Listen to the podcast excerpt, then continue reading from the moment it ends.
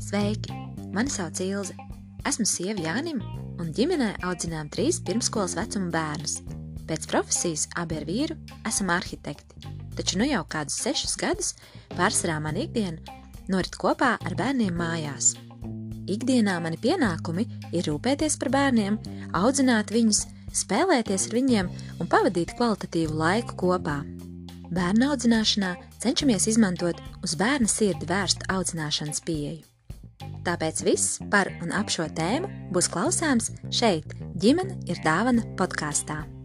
Ceru, ka arī tev būs noderīgas kādas tēmas, un tu gūsi iedrošinājumu tajos izaicinājumos, ar kuriem saskaries savu bērnu audzināšanā ikdienā. Man prieks, ka klausies! Šī epizode par to, kā mācīt bērnam pieņemt atbildi nē. Ikdienā esot ar bērniem, man personīgi nāks saskarties ar ļoti daudziem jautājumiem un lūgumiem no bērnu puses, un man kā vecākam, protams, gribas vienmēr atbildēt apstiprinoši uz viņu lūgumiem, taču dažreiz ir nepieciešams arī pateikt nē. Tas parasti notiek brīžos, kad man ir kāds cits plāns saistībā ar uzdoto jautājumu, vai arī es redzu vairāk kaut ko par šo situāciju un tāpēc negribu akceptēt bērnu lūgumu. Un līdz ko es dodu šo atbildi nē, sākas konflikts. Mūsu ģimenē katrs bērns atšķirīgi spēj pieņemt šo atbildi nē. Vienam to izdodas izdarīt diezgan ātri, bet otram to ir izdarīt ļoti sarežģīti, un tad nu tiek izmantotas dažādas manipulatīvas pieejas, uh, lai paustu savu neapmierinātību vai sašutumu, vai arī uh, sāktu lietot kaut kādus rīkus, lai panāktu to, ko viņš vēlas. Bērni bieži vien savu neapmierinātību pauž nepiemērotā veidā. Apdomā, kā tas ir tavā ģimenē, kādas reakcijas ir tavam bērnam saņemot atbildi nē. Tā kā mēs savā ģimenē pamatojamies uz bērnu sirds audzināšanu, paskatīsimies, kāda tad ir sirds problēma bērniem, kuri nespēja pieņemt atbildi nē. Lielākoties bērni parasti zina, ko viņi grib.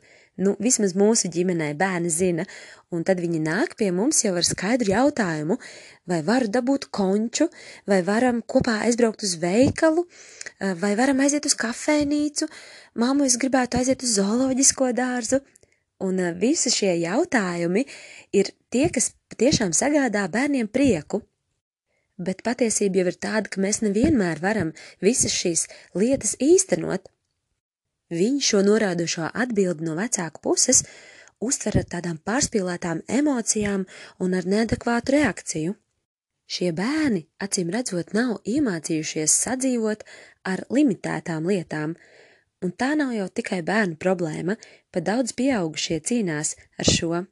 Iemācīties sadzīvot ar robežām, tā ir ļoti svarīga lieta, ko mums katram pieaugušam ir jāiemācās, bet bērniem tas var būt pat īpaši izaicinoši.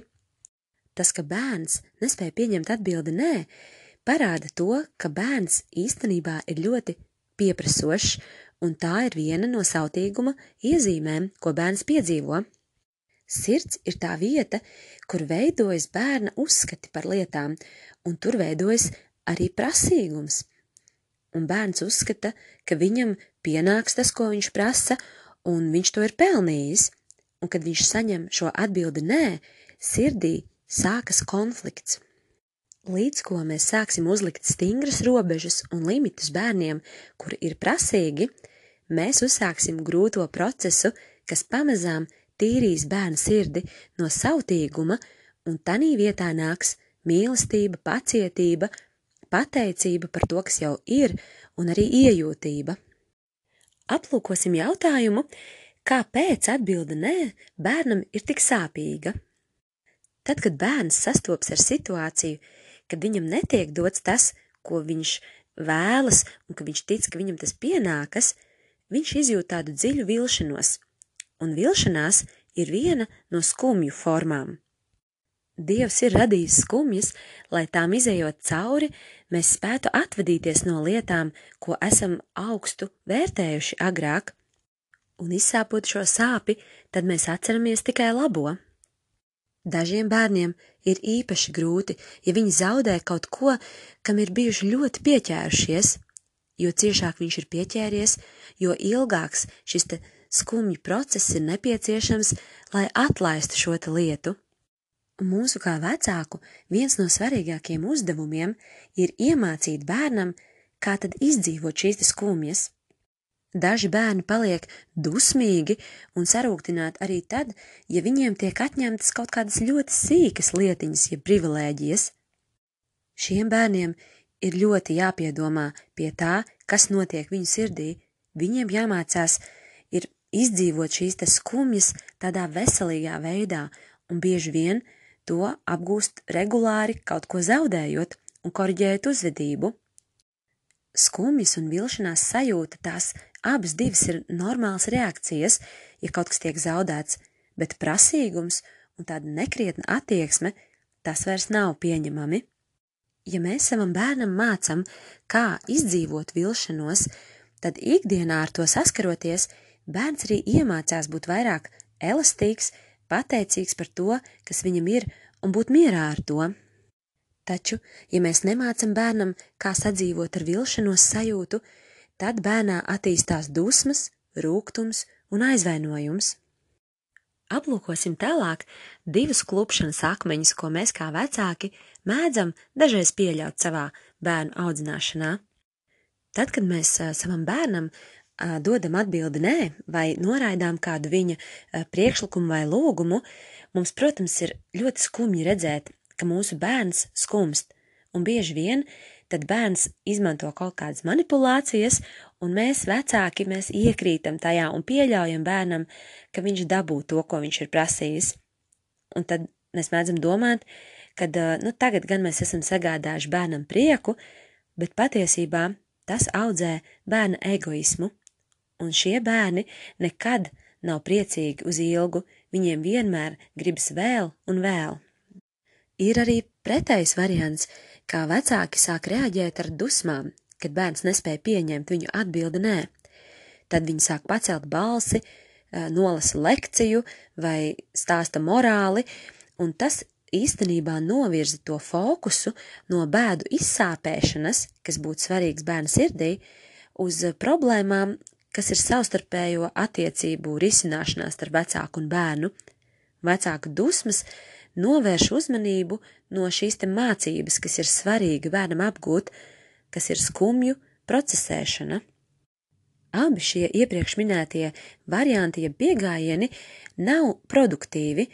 Vislabākais ir, ka mēs spējam savam bērnam izrādīt empātiju, izpratni, bet ka mēs šīs stingrās robežas noturam. Tā svarīgā mācība, ko mēs varam savam bērnam iemācīt, ir būt apmierinātam ar atbildi, ko viņš saņem no vecāka.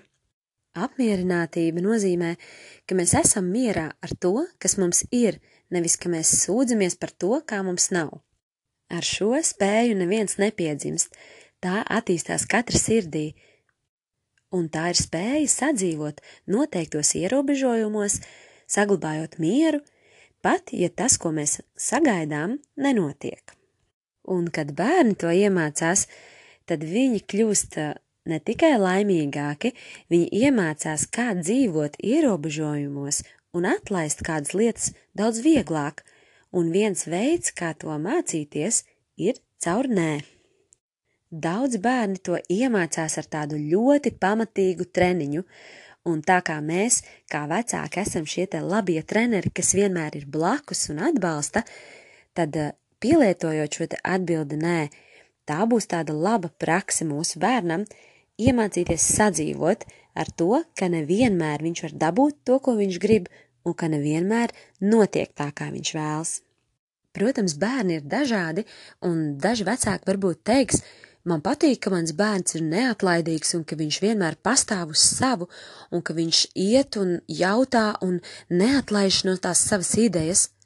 Protams, Neatlaidība ir ļoti laba īpašība, bet ja tas sāk robežoties ar prasīgumu, tad bērns īstenībā neko neiegūst. Robeža starp ambiciozitāti un tādu prasīgumu ir ļoti smalka, un bērnie to vispār ir diezgan grūti uh, ieraudzīt. Mūsu uzdevums ir mācīt un parādīt, kur šī robeža ir, un līdz ko jūs jūtat, ka tā tiek pārkāpta, tas bērnam jāsaka un jāpaskaidro. Tagad padalīšos ar dažām praktiskām idejām, kā mācīt bērnam pieņemt atbildi nē. Viena no tām, ka mēs varam bērnu brīdināt par iespējamām divām atbildēm. Piemēram, ja bērns atnāk pie mums ar lūgumu, māmu vai vari man lūdzu iedot cepumu, tad mēs varam viņam teikt, klausies, es tev varu atbildēt jā un varu atbildēt nē. Kā tu reaģēsi, ja es atbildēšu jā? Tad mēs sagaidām, ko bērns mums saka vai parāda, un tad mēs uzdodam jautājumu, un kā tu reaģēsi, ja es atbildi došu nē? Un tad arī bērns var pateikt, kā viņš jūtas vai kā, un tad mēs varam uzreiz tad arī teikt, šoreiz atbilde ir tātad vai nu jā vai nē, un tad bērns jau būs nedaudz sagatavojies, ka ja arī viņš saņems noraidošu atbildi, tad viņš jau būs nedaudz solīti priekšā, lai savas tās emocijas veiksmīgāk pārstrādātu. Otra no idejām, ar ko dalījās viena māmiņa, kas seko ģimeni ir dāvana lapai, ir šāda. Tad, kad bērns atnāk pie jums un jautā, māmu, var man lūdzu iedot cepumu, tad mēs ko darām? Mēs noliecamies pie viņa un samīļojam. Tas ir šis fiziskais kontakts. Tad mēs pasakam atbildi, nu, piemēram, nē, mīļais, šoreiz nē, un uh, tad mēs uzreiz kā ķeramies klāt pie paskaidrojušās daļas, kāpēc. Dažiem bērniem šis fiziskais kontakts īstenībā ir tas, kas viņam ir ļoti vajadzīgs, un tas viņu sagatavo jebkādas atbildes saņemšanai. Mēs savā ģimenē praktizējam abus šos variantus, kā kurā reizē, un mums tie ļoti labi strādā. Ir arī vairākas tādas specifiskākas idejas, kā mācīt bērnam pieņemt nē, izējot no tā, kas tad ir viņa šī te uh, sirds problēma, kāpēc viņš nespēja pieņemt atbildi nē. Par to būs nākamajā epizodē, bet uh, tagad es minēšu uh, dažas eh, pazīmes, kas raksturo prasīgu bērnu, un par tām sīkāk tad būs nākamā epizode. Viena no prasīga bērna pazīmēm ir strīdēšanās, un tā parasti sākas ar bērna atbildi kāpēc. Otra pazīme - tirdīšana, ka bērns vienkārši neatlaiž no tā, ko viņš grib. Un trešā pazīme ir žēlošanās, par to, ka nekā jau man nekad nav un tādā garā. Ja jūs ieraugat, ka jūsu bērnam ir kāda no šīm te prasīgām bērna pazīmēm, tad nākamajā epizodē jūs varēsiet uzzināt specifiski, kā mācīt katrā gadījumā bērnu pieņemt šo te atbildi nē.